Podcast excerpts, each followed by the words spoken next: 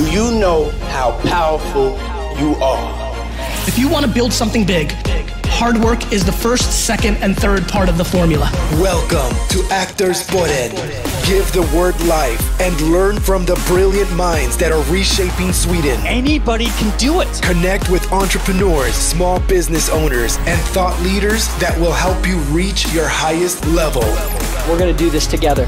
This is Actors Podden with Johan Moder Johan Mortensson.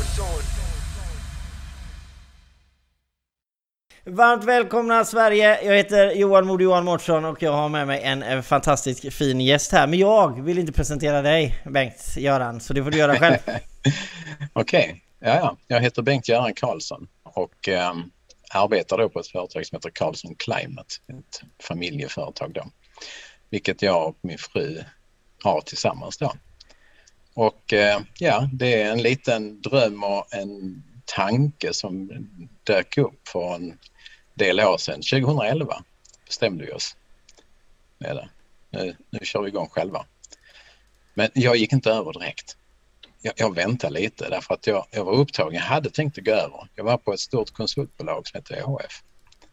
Och jag tänkte nu, nu struntar jag i de här stora bolagen. Nu jobbar vi snabbt och enkelt mot kunden direkt.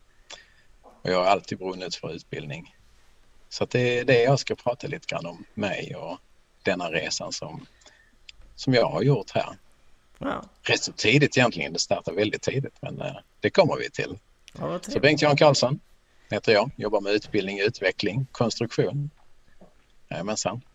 Det var, kan vi se, var, hej hallå där säger de, vi har varit inne och tittat på er hemsida. Och mm. var väldigt intressant. Bra affärsnytta skrev, eh, fick vi en kommentar här, och jättetrevligt. Tyvärr såg jag inte vem det var som skrev det. Men eh, det är som jag skulle börja vilja då fråga, som jag alltid gör, det är fråga hur dagen har varit så här långt. Så vill jag fråga. Ja. ja men då kan jag berätta att jag fyller 55 idag. Stort grattis! Ja, tack tack. Ja. Så jag är på rummen, därför så är det denna konstiga miljö här.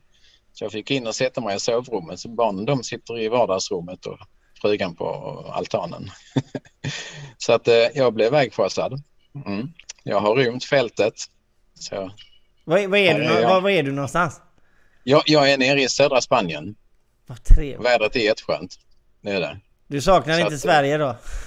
Nej, jag gör inte det och, och, det är bara en liten by, by här också så man kan liksom trampa runt och ha det bra och slippa vara orolig för allt som händer runt omkring. Jag menar, jag har mindre folk här än vi har på ICA säger vi.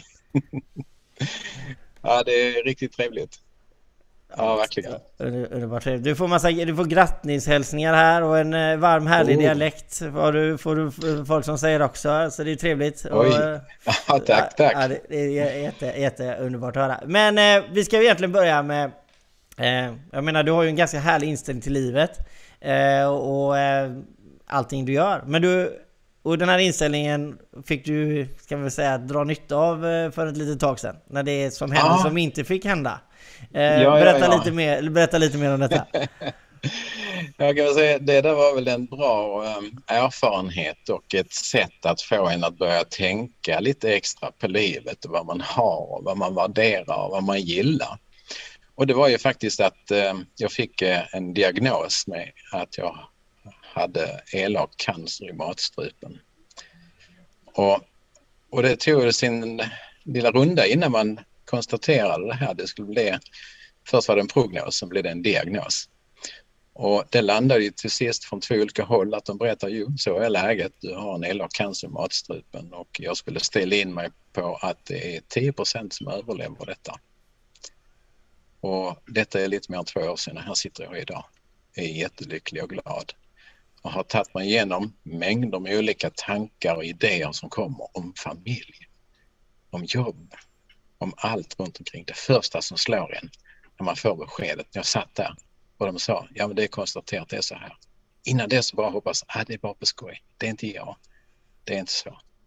Och sen, buff, så här är det. Två håll, det är du. Du har den diagnosen. Och äh, där, där börjar man fundera. Det första som slår mig var barnen. Hur ska det gå med dem? De kan väl inte klara sig utan mig?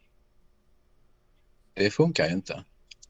Och nästa tanke var, har jag gjort vad jag vill? gör jag vad jag vill? Ja, jag kom på, ja, jag vill göra mer av det jag gör, för det trivs jag med.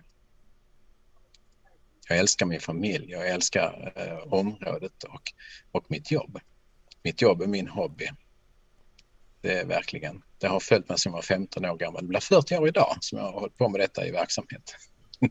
40 års erfarenhet alltså? Ja, det är det. Så att eh, den här resan med att få en sån diagnos samtidigt tänka på oj, oj, oj, vi har ju personer som jobbar hos oss också. Det måste bara funka. Det får inte falla. Det måste vara igång. Men du jobbade i, alltså, genom all liksom, eh, behandlingar och allting som man behöver gå igenom, strålbehandlingar och cellgifter och vad allting nu heter. Du jobbade ja. under hela perioden liksom? Jag försökte vara så aktiv som man kan vara. Och jag hade den här diskussionen med eh, professorn som jag hade där då. Otroligt, eh, otroligt duktig, härlig person. Jan Johansson heter han. Eller heter. Och, och det var ju mycket så här, ah, du kan inte hålla på och träna för jag var aktiv i träning. Jag är instruktör i bodypump och spinning och självförsvar. Och ehm, ja men såklart jag måste vara aktiv i detta därför att i den här diagnosen så hamnar vi i en konstig känsla. Jag kände kallduschen, jag kände hur det sköljde över, jag fick mina tankar och sen när jag satt där så hör jag min fru, hon säger, då är det alltså de här 10 procenten då? Ja, sen. Och, och då reser man mig upp över bordet, sträcker mig fram och ska ge han give me five. Och han blir helt ställd. Lutar sig sakta framåt, tittar på mig och säger du hörde väl rätt? Det är faktiskt 90 procent som inte klarar sig. Ja, sa jag hörde. Men jag ska vara en av de 10 procenten, sa jag. Och så sakta fick jag ett give me five. Så sa han, ja men det, han blev lite bekymrad om det var en förnekelse. Nej, sa jag, ingen förnekelse, men ni kan väl detta? Vi är bäst, sa han. Mm, bra. Vi är samma team alltid och jobbat med det flera år. Har inte bytt ut någon i gruppen. Och jag ska göra allt jag kan under mina cellgifter och sen inför operationen. Då sa han, då vill vi gå in med det starkaste vi får ge cellgifter. Och se, klarar du det så är det bra. Fixar du inte så stryper vi på det. Där kom jobb och träning in. Så jag kände att jag måste igång, jag måste hålla igång, jag måste vara aktiv. Så jag la in perioder så jag var fortfarande aktiv. Jag ställde klockan för den här tröttheten som man får. Man får någon märklig trötthet som jag aldrig varit med om innan. Den riktigt suger energin av en. Så jag ställde klockan, sa till min fru, om jag inte går upp så ska du sparka upp mig. Därför det är inte jag, det är min hjärna som vill lura mig. Jag, jag måste upp. Men jag lyckades komma upp. Fick, kom iväg, gick till träningen, var aktiv i olika möten och försökte vara aktiv i jobbet så mycket det gick ända fram till operationen, för den var rätt så kraftig. Eh, ungefär tio timmar, två specialister som skar ut och skurit ut strupen och byggt om hela kroppen och sånt. Och, och sen på cellgifter igen. Men jag säger att det var en, en speciell och lärorik upplevelse som visar, wow, jag har det rätt bra. Och får möjligheten att få fortsätta ha det bra. Helt fantastiskt. Men den inställningen då, är där i början liksom, där är liksom high five att jag ska köra liksom. Alltså var det... Alltså, det, för det, det, du väver ju ut det lite när du säger det här till exempel som att jag skall bara jag skall, du får dra mig ur sängen, gör vad som helst, alltså bara för att Eh, alltså vad som helst bara för att liksom komma vidare. Eh, alltså, är det, alltså jag, jag, kan bara tänka mig, är det andra aspekter liksom? Är affärsnytta, har du den liksom överallt? Det där, det, det brinner ju nästan i dig kan jag tänka mig liksom när du ja, men, väl vill saker. Mm. Jo men det är det. Det, det är väl lite så att eh, jag har alltid velat hitta lösningar. Jag är lösningsfokuserad och det är jag i mitt jobb. Och det är det som jag har arbetat med då innan sen jag var mindre så fick jag lära mig att vara lösningsfokuserad. Och den skapades egentligen rätt tidigt. Det är det. Såklart alla barn leker med lego och byggmodeller. Men vid 11 års ålder så hade jag en, en motocross som gick sönder. Jag bad min pappa laga den så sa han det kan du göra själv. Och då blev jag lite sur på honom. Men tänk om det går sönder? Ja, då får du laga det också, sa han. Och, och där började mitt intresse och nyfikenhet. det var jättekul. jag var arg men jag fick ihop det och jag fick igång den. Och, och där, där vaknades eh, ett stort intresse för att hitta lösningar. Och sen har det fortsatt. Så när jag var 15 år så byggde jag min första värmepump och startade igång den. Och man skulle säga att min pappa är uppfinnare, självförsörjande uppfinnare och varit det så att eh, redan på slutet 50-talet var han den som tog fram värmepumpen och eh, massa andra system runt omkring som också plockats. Så att jag har växt upp i den här andan att vara lekfull, hitta, våga göra. Om du inte vet, gör någonting så hittar du en lösning. Att, det, att hitta det här. Och jag tror att det var det som hände när jag satt och fick beskedet också. Att jag hörde, jag kände, jag tog in det, jag kände hur hemskt eh, hela min kropp bara reagerade. Och sen kände jag att jag måste titta framåt. Jag måste jobba som jag gör, lösningsfokuserat, så långt det bara går. Jag ska ge det här en kamp. Jag ska göra allt jag kan i mitt liv för att jobba vidare mot en lösning. Ungefär som när jag jobbar med en fastighet. Jag går in i en fastighet och de frågar kan ni hjälpa oss att göra en utredning? Ja, det kanske jag kan. Jag vet inte. Men vi kan väl titta tillsammans brukar jag säga. Och sen börjar vi resonera och gå igenom och helt plötsligt så har vi en lösning. Och då säger jag att det viktigaste här är att få de som är i byggnaden att känna att de är delaktiga i det här också, att de kan det, att de förstår lösningar, att de kan jobba vidare i den scenen utan att jag är där. Så att eh, någonstans tror jag att det lösningsfokuset det är också eh, en stor del i min vardag. Så tapp, såklart tappar man tråden. Vem gör inte det? Men, men det gäller att hitta hem igen. Ja, det gäller att hitta rätt igen. Det är det. Jo men okej, så är den här liksom det är, det är kanske inte just energieffektivisering men du, som du sa, det kreativa det kommer liksom från ungdomen och du har levt vidare med det och på något sätt du gillar att hitta nya lösningar. Är det därför du har hållit dig i branschen i 40 år? Bara för att du får möjlighet att vara lite kreativ? ja, det är det. Jag, ja. jag brukar skoja och säga att jag vill bli gympalärare när jag var liten. Alla andra vill bli polis. Men jag har hållit på med min träning. Det är det. Så det, den, den har varit där i bakgrunden hela tiden. Ja, så att, ja, kreativiteten den kommer därifrån. Att ja. bygga, skapa, måla, teckna. Ja, det, det är det.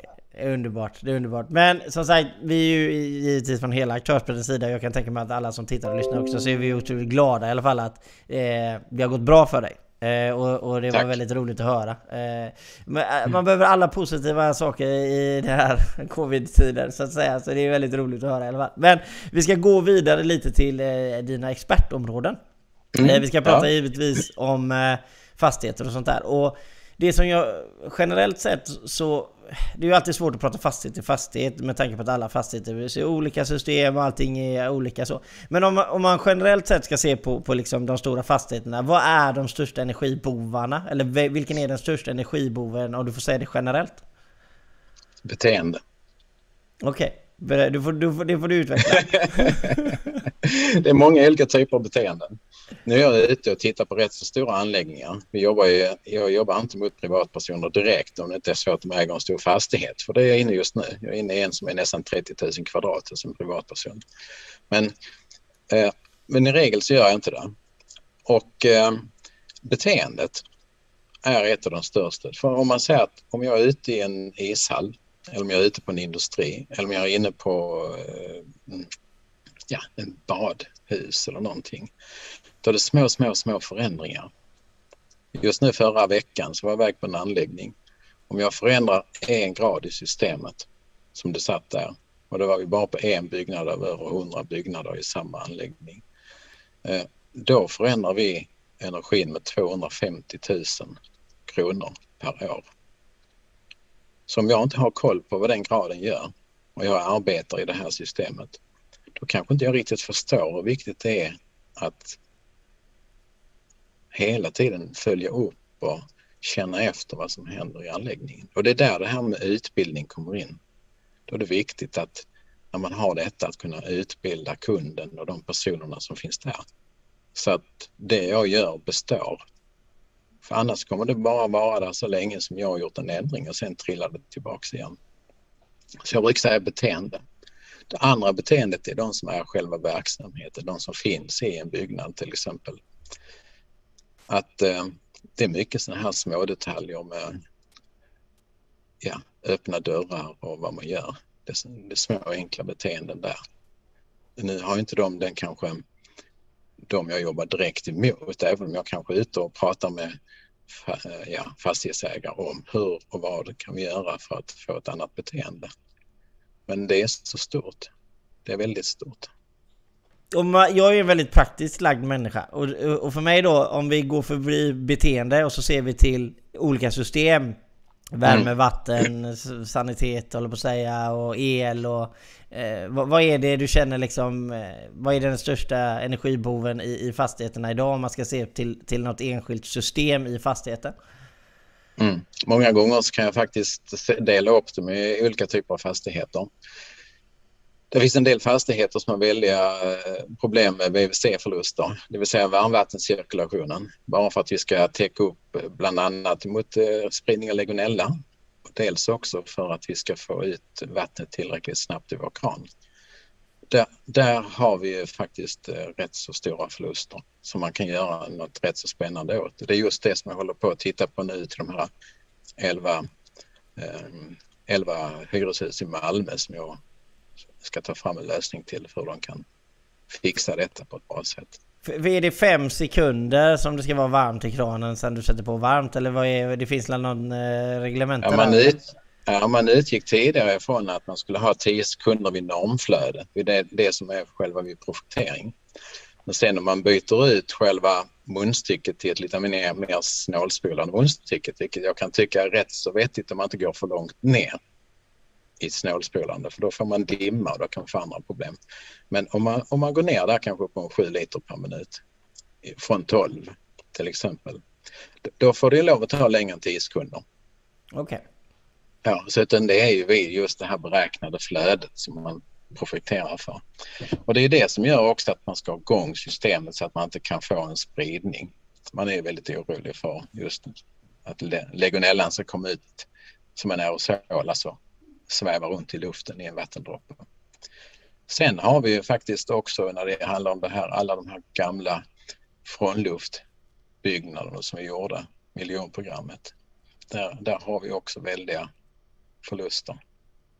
Man bara blåser ut det. Det, behövs att hitta lösningar.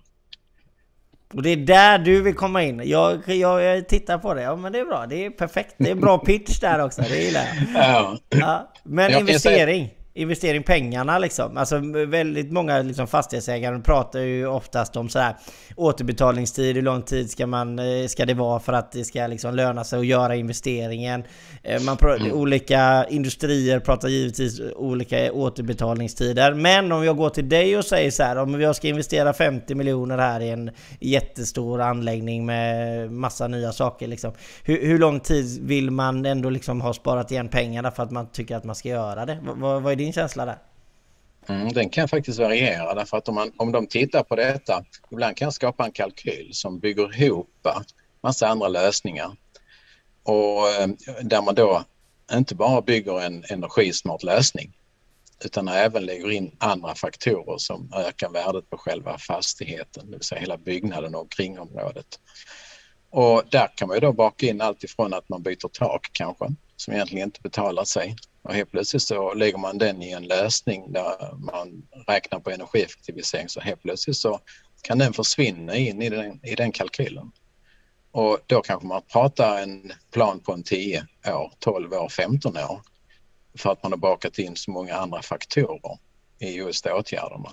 Och då brukar man blanda in det med låga frukter, höga frukter och tunga frukter. det vill säga vad är snabbt och enkelt att göra? Och man ska inte bara kasta sig in i dem direkt. Man ska försöka använda dem på ett sätt så att man får ja, man skyddar sitt kapital, det vill säga byggnaden och fastighetens värde. Och, men i annat fall så har ju de som säger att ah, tre år ska det vara betalt på. Oj då. Ja, det, kan ju vara rätt tufft. Och så några säger 5 och någon ligger på 7. Så, så vanlig payoff 3, 5 och 7 skulle jag vilja säga. Och vilken tycker eh, du är mest... Eh, om, du, om du måste säga en bara, vilken tycker du är bra då? Då tycker jag den man blandar ihop systemen där man tittar på en åtgärd. Och man letar upp inte bara en utan man tar fram en, ett åtgärdspaket kanske på en 20 stycken olika. Och varav kanske 8-10 av dessa har en eh, ekonomisk finess. Och resten kanske är rena kostnader som kanske inte är så roligt för en fastighetsägare att, att behöva få loss pengar till. Då kan man försöka under den här 10, 12, 15 årsperioden baka in allting så att åtgärderna hjälper till att finansiera det som är mindre intressant, det vill säga det är intressant för byggnaden men det, det får ingen besparing i det. Ja, man, man, återinvesterar, man återinvesterar vinsten i sin egen fastighet kan man säga. Precis ja, man gör det i ett speciellt konto så att man ser hur det går. Mm. Helt riktigt. Magnus säger där att han har en bra kontakt till dig. Eh, så du får ja. han eh, höra av sig till givetvis. Eh, ska säga, kan man ha ett slutet klimatsmart system i fastigheter om man börjar med solpaneler och sedan VVS? Fick vi en fråga. Ja, den där är, jag tycker solpaneler är rätt så intressant om man tänker det utifrån. Eh, där vill jag nästan ställa frågan, är de inne på solfångare eller solceller? Det är den ena biten. Eh, man kan ju använda solfångare till exempel för att hjälpa till att bereda tappvarmvatten och andra delar. Solceller så här. Solceller, okej. Okay. Ja. ja. Jag tror att det är bra att börja titta på hur man kan jobba med solceller. Helst av allt mitt specialområde. Jag, jag är ju praktiker bakgrunden och sen har jag då läst massa teori. Så jag har läst kyla och jag har läst om el. Sen har jag läst eh, på fysikum i Lund, så jag är fysiker också. Och där hade jag mitt specialområde bränsleceller. Och det är någonting som jag har tagit fram ett rätt så roligt koncept som heter hus utan kabel som jag har lagt på is för att marknaden har inte varit redo. Men nu börjar marknaden bli redo.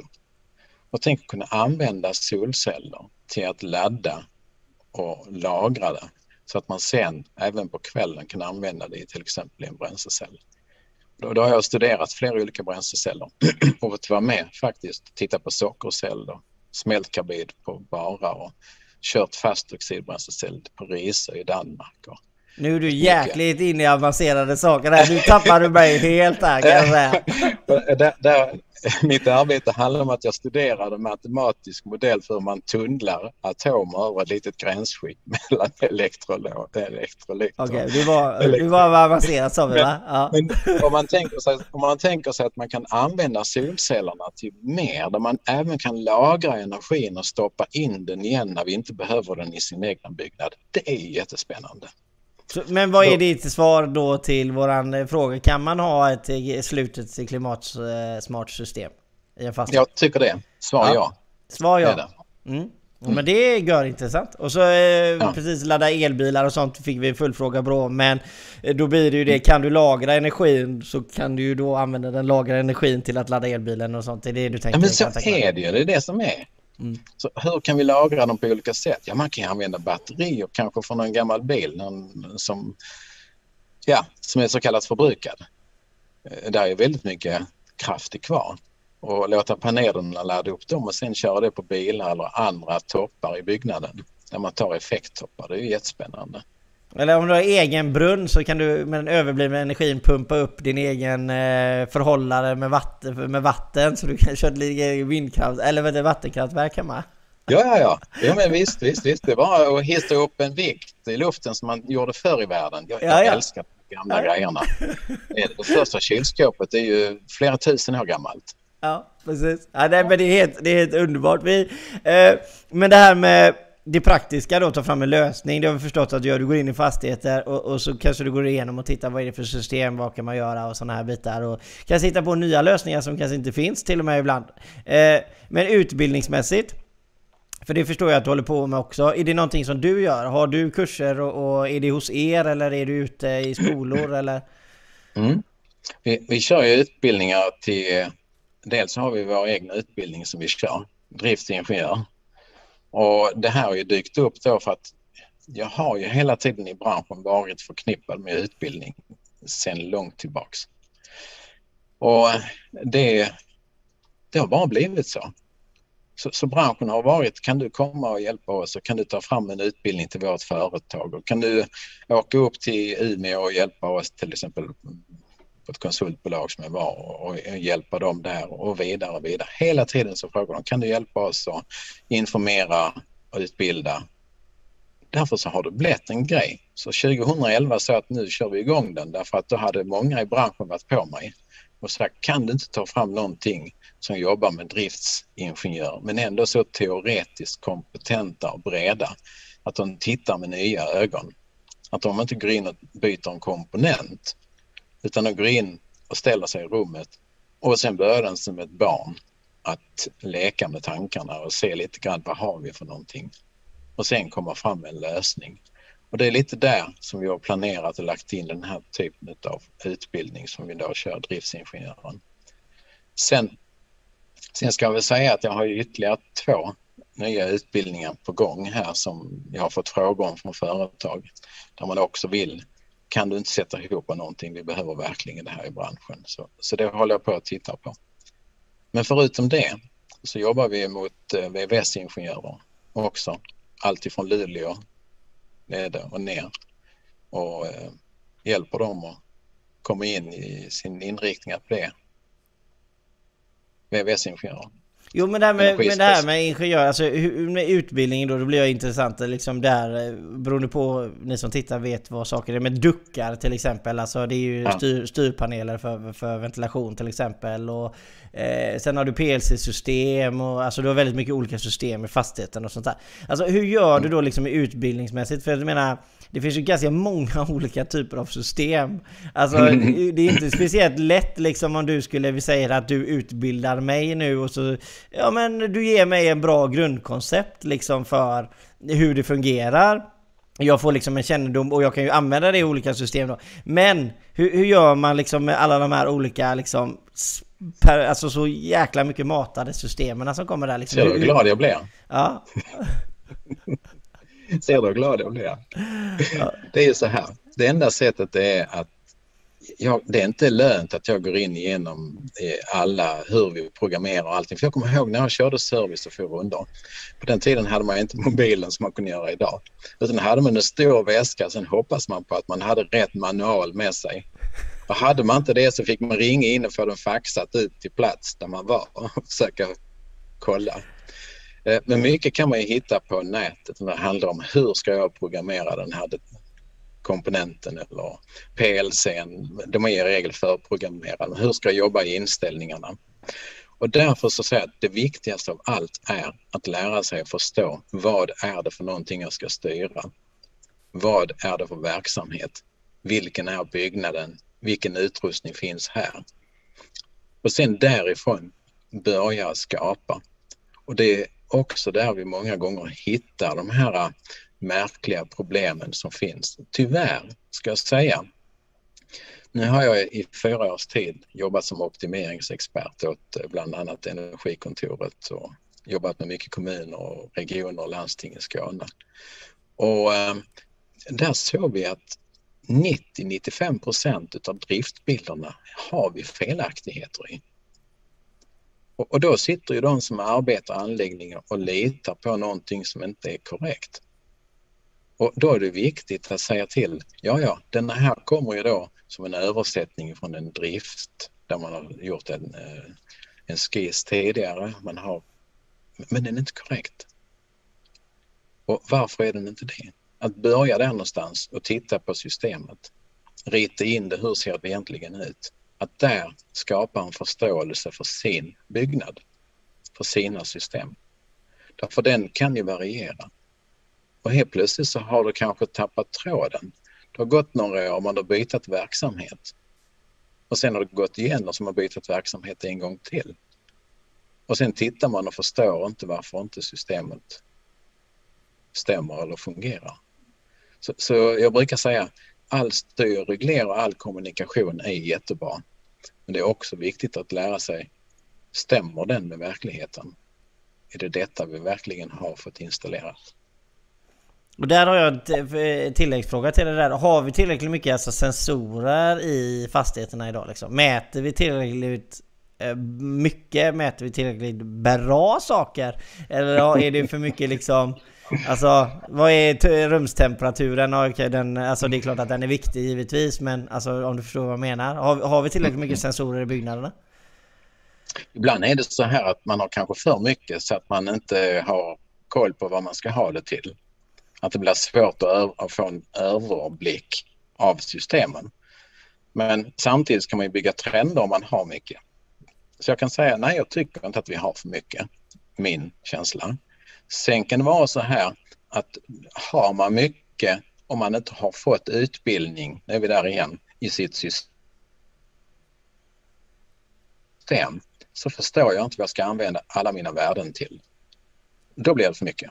Men kan vi bara fånga dessa personerna och utbilda dem? Bland annat har jag varit uppe i Göteborg och gjort det i några år till eh, en stor kund där uppe. Vi hade väldigt kul. I början var de mycket skeptiska.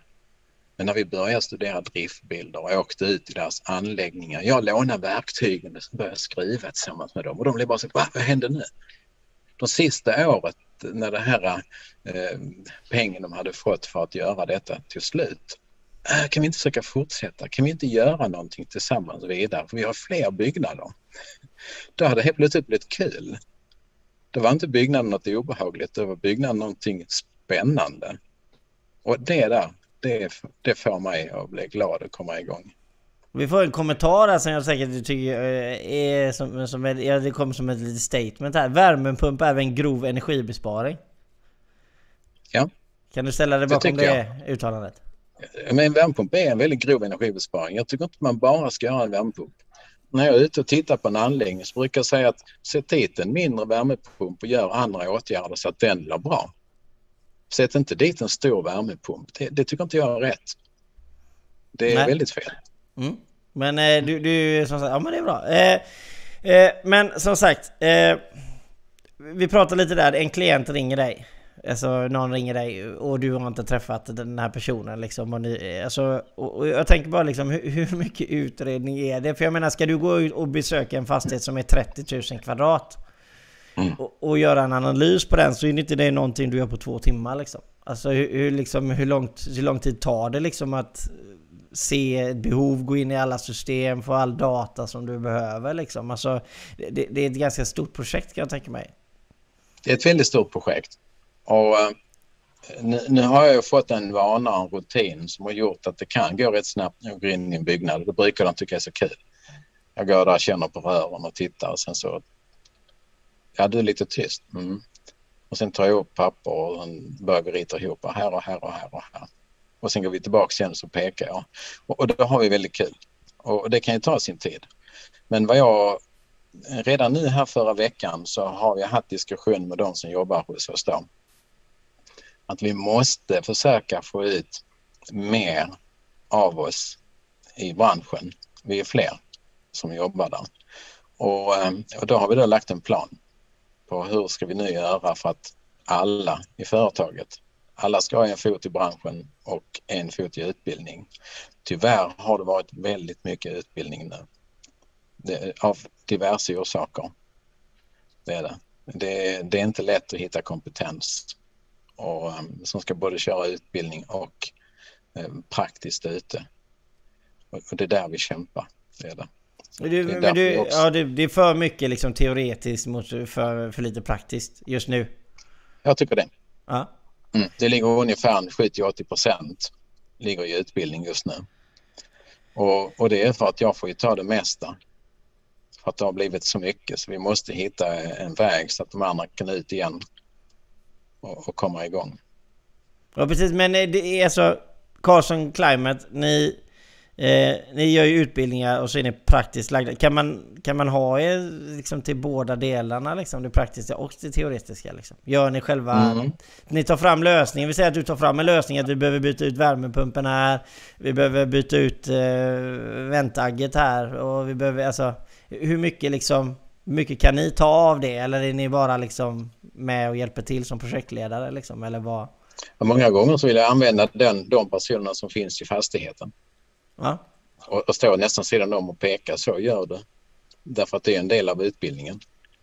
Så eh, helst av allt så vill jag ha med dem som är i fastigheten så att de känner att de är delaktiga och ser vad det är. Ja, så vill vi jobba.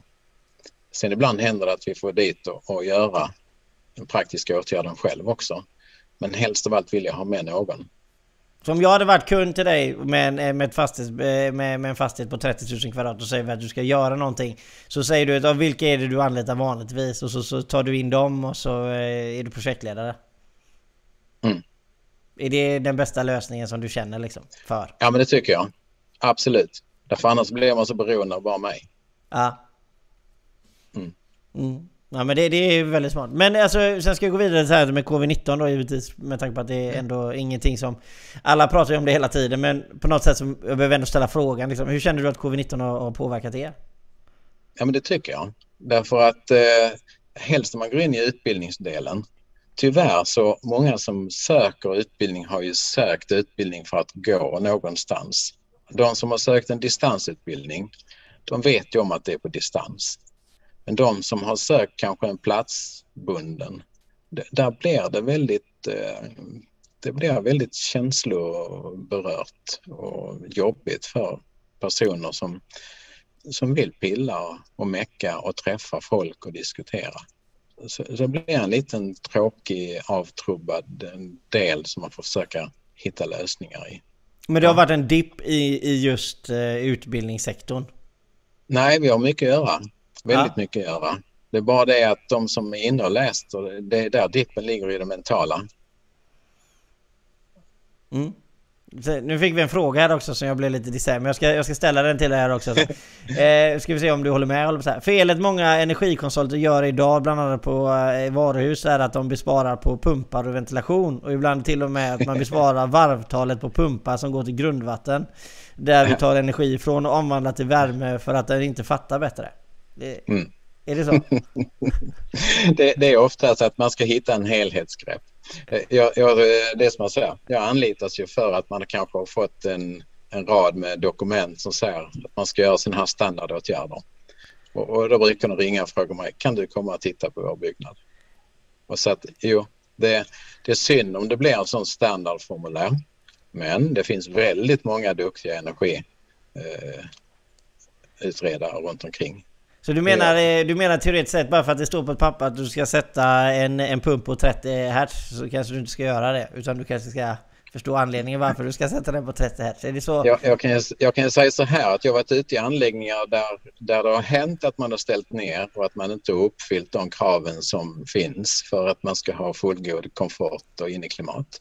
Och när jag sen kommer och säger att det här kommer bli dyrt, vi är tvungna att hissa upp allting igen, då, då blir inte kunden glad. Men när man sen visar, men titta här, när vi gör detta så kan vi göra detta också. Vilket gör att då kommer den höjningen inte att påverka dig. Nu kommer vi faktiskt få ner din totala driftskostnad ändå. Och då blir de glada igen. Men Precis, det är, inte... det är liksom, vill du ha de goda eller dåliga nyheterna först? ja, var börjar vi någonstans? Sebastian säger att det här är något helt i min smak. Ja, tack så mycket. Tack, Nej, tack. Ja. Vad roligt. Vad, eh, men vad känner du liksom inför 2021? Här nu fortsättningen liksom. Är det, är det mycket utbildning liksom? Lite praktiskt? Nej, alltså 2021 nu så har vi redan lagt planen att eh, fler stycken i företaget ska komma med ut. Och vi har till och med satt datum och tider när de kommer vara med ut på olika anläggningar och börja och ta den biten. Men då måste vi försöka få ner eh, delarna som vi har runt omkring i utbildning eller få in fler personer i företaget. Och eh, där är vi ju emellanåt och testar jätteduktig kompetens men som kanske tycker det är läskigt att utbilda.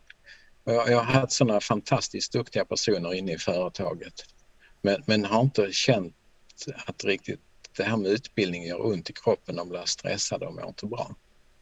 Och då säger jag, men det är en fot vi har. Vi ska alltid hålla på med utbildning och det praktiska. För annars kan vi inte utbilda kunden heller. Men det eh, här, nu pratar vi lite områden så här. Alltså, vad, vad, är det du känner liksom? Vad, vad, är det ni kan stärka er ännu mer för att bli ännu mer konkurrenskraftiga liksom?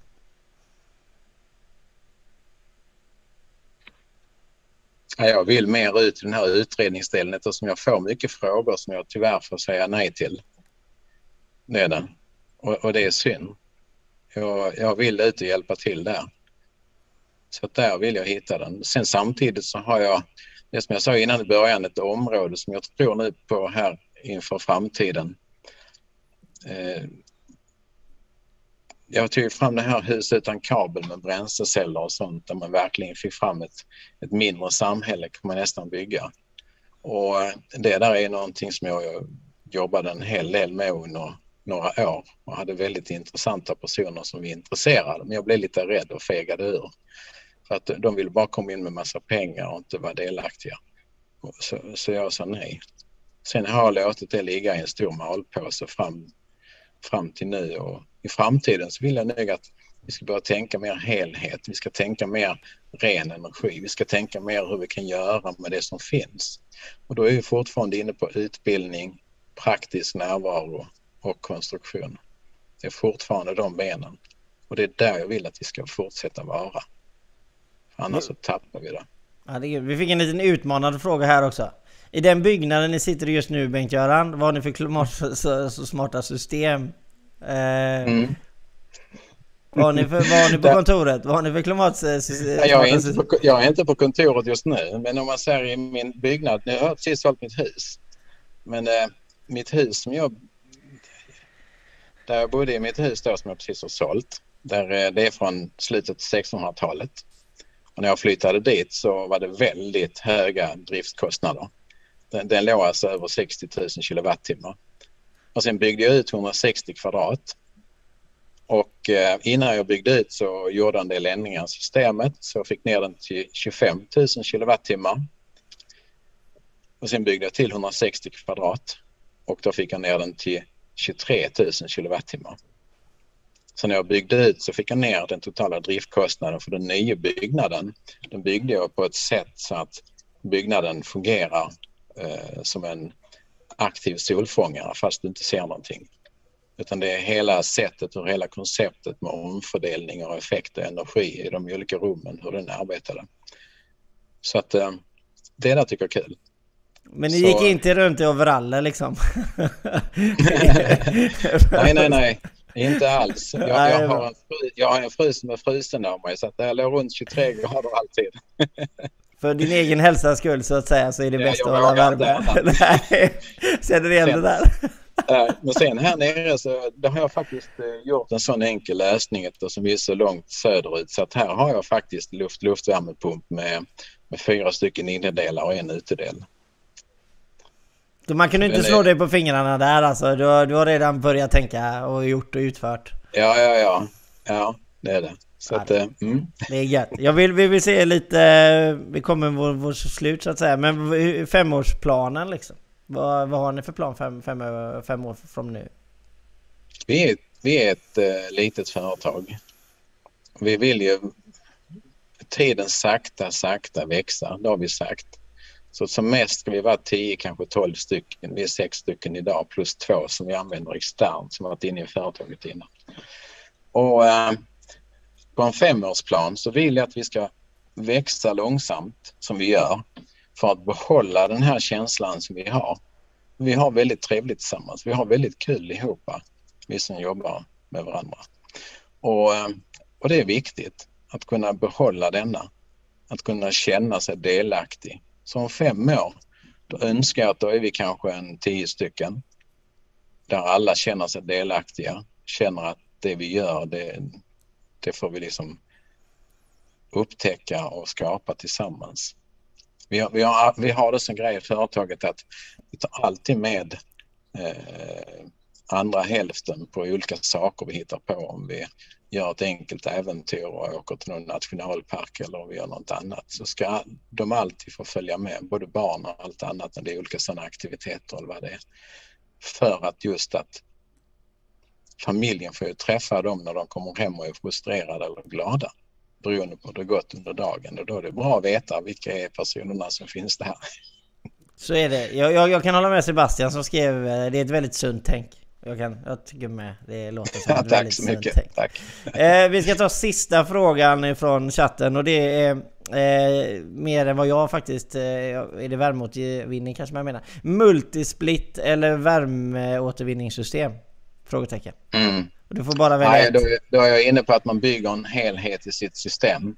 Inte multisplitten för att egentligen så har vi så många komponenter som kan ta skada i en multisplit. Även om jag kan tycka att det är väldigt bra i olika lägen när det är svårt att göra någon, någon bra åtgärd som ett hotell eller som här till exempel där det, där det är en byggnad som inte är skapad ifrån grunden. Ja, då har man en lösning. Men om jag inte är där, då vill jag gärna se till att vi får en byggnad som egentligen ser till att den sköter sig själv. Det är som jag sa, den jag byggde, den jag byggde till. Eh, nu placerade mot en vägg som gjorde att jag fick ner kostnaden. Plus att den låg och drog ungefär 6 kilowattimmar per kvadrat och år. Det var den hamnade på. Och kan man hamna där, det kan du inte om du jobbar bara med att sätta multisplitter och inte bryr dig om hela helheten för byggnaden och hur den ligger och vad som händer. Ja men det är bra. Du fick även, eh, det kallas smart ledarskap fick du också i kommentarerna. Så det, det var ju bra. Men nu, nu sa jag att det var Det sista. Ja precis, men nu gör jag som min son säger, bara en sista gång och så, så gör vi det så säger han en sista gång igen. Men nu tar vi en kommentar till bara för det. Eh, brukar ni återkoppla kunden cirka ett år eller något sånt där senare för feedback och frågor? Har ni något sånt system att ni försöker liksom höra av er till befintliga kunder liksom? Eller gamla kunder då? Ja, det är just det här att det har väl inte alltid varit så i och med att jag inte alltid har varit där jag är i mitt egna bolag. Men jag hade väl önskat och har sagt så här också när jag är ute idag och gör någon ändring och en åtgärd. Då, då vill jag vara ikopplad. Så det senaste jag skrev tillsammans med en kund är att jag vill vara där tio år. Och då blev kunden, va? Ska vi inte bli av med dig? Ska du vara här tio år? Ja, men så jag vill finnas och synas där för att jag har varit med om så många projekt där man har varit i en förstudie. Och sen har det blivit ändringar och sen har de hört av sig, nu funkar det inte. Vilket då? Ja men det, ja, vad har ni nu gjort för någonting? Eh, eh, det där är inte bra. Så därför har jag sagt att jag ska alltid finnas med om jag gör någonting för jag vill känna att det är en del av det jag gör. Så helst av allt så vill jag finnas med åtminstone tio år. Men det, den kunden sa, kan vi inte minska det? jo, det kan vi. Ja det är bra. 10 år, är det är bra. Det är bra, det är bra kontraktstid också, 10 år tycker jag. Eh, men som sagt, vi går mot eh, slutet. I slutet av varje avsnitt så säger jag alltid att ordet är fritt. Så du undrar om det är någonting du skulle vilja tillägga? Just det här med att eh, beteendet, hur mycket det kan spela roll. Och nyfikenheten. Jag skulle vilja säga så här. Någonting som jag skulle vilja är att när man var barn då visste man inte, då gjorde man saker, då upptäckte man. Och då kom man på saker som var spännande för att man upptäckte och försökte göra saker. Man kan ju gå försiktigt fram och vara den försiktiga upptäckaren. Sen när man blir vuxen så hamnar det mer i ett läge att man inte får vara den nyfikna upptäckaren längre. Utan då ska man egentligen veta innan man ens har kommit dit. Och där skulle jag nu vilja säga så här att det är viktigt att vi blir den här lilla upptäckaren. Att vi åker ut, för när jag kommer ut i en anläggning så säger folk Jaha, så jag vet inte, jag har inte varit här innan. Det finns ju lika många lösningar på en byggnad som det finns projektörer och sen finns det lika många ändringar som det finns tekniker. Så att jag går in där noll utan att vilja titta på några dokument innan för att jag vill upptäcka. Och då börjar vi undersöka och vi pratar tillsammans och vi går runt och blir den här lilla upptäckaren. Och helt plötsligt så har vi hittat någonting som tidigare inte har sett och vi har hittat problem som är 10, 15, 20, det senaste var sex, byggt 65. Och vi hittade problem som har varit här sedan det byggdes. Och det här är ju för att vi går dit med upptäckaren och ska upptäcka någonting som vi inte vet. Så det barnsliga vill jag nog att vi ska försöka ha kvar. Du vill liksom vara fastighetens Ture Svensson, håller på att säga det var den Nej, bilden allihopa du ska vara upptäckare. Ja precis. Ja, det är underbart. Nej, du, du är Sveriges MacGyver inom fastigheter då eller? Kan man säga så Nej, istället? nej, nej, nej, nej. Det, det är jag och de som är i fastigheten. Ja, det, Tillsammans är vi där. Ja, underbart. Eh, som sagt, jag uh, uppskattar att du varit med idag Bengt-Göran och jag hoppas att ni alla som har tittat har uppskattat och tackar så hemskt mycket för alla frågor och kommentarer. Det är alltid väldigt roligt och Bengt-Göran har ju kunnat svara perfekt på varenda fråga får jag säga, så det är väldigt roligt. Eh, men som sagt, vi säger så hemskt mycket tack från oss. Jag heter Johan Modio Mårtsson och vi har haft med oss Bengt-Göran från Carlson Climate och vi önskar er en fortsatt trevlig dag. Ha det bra!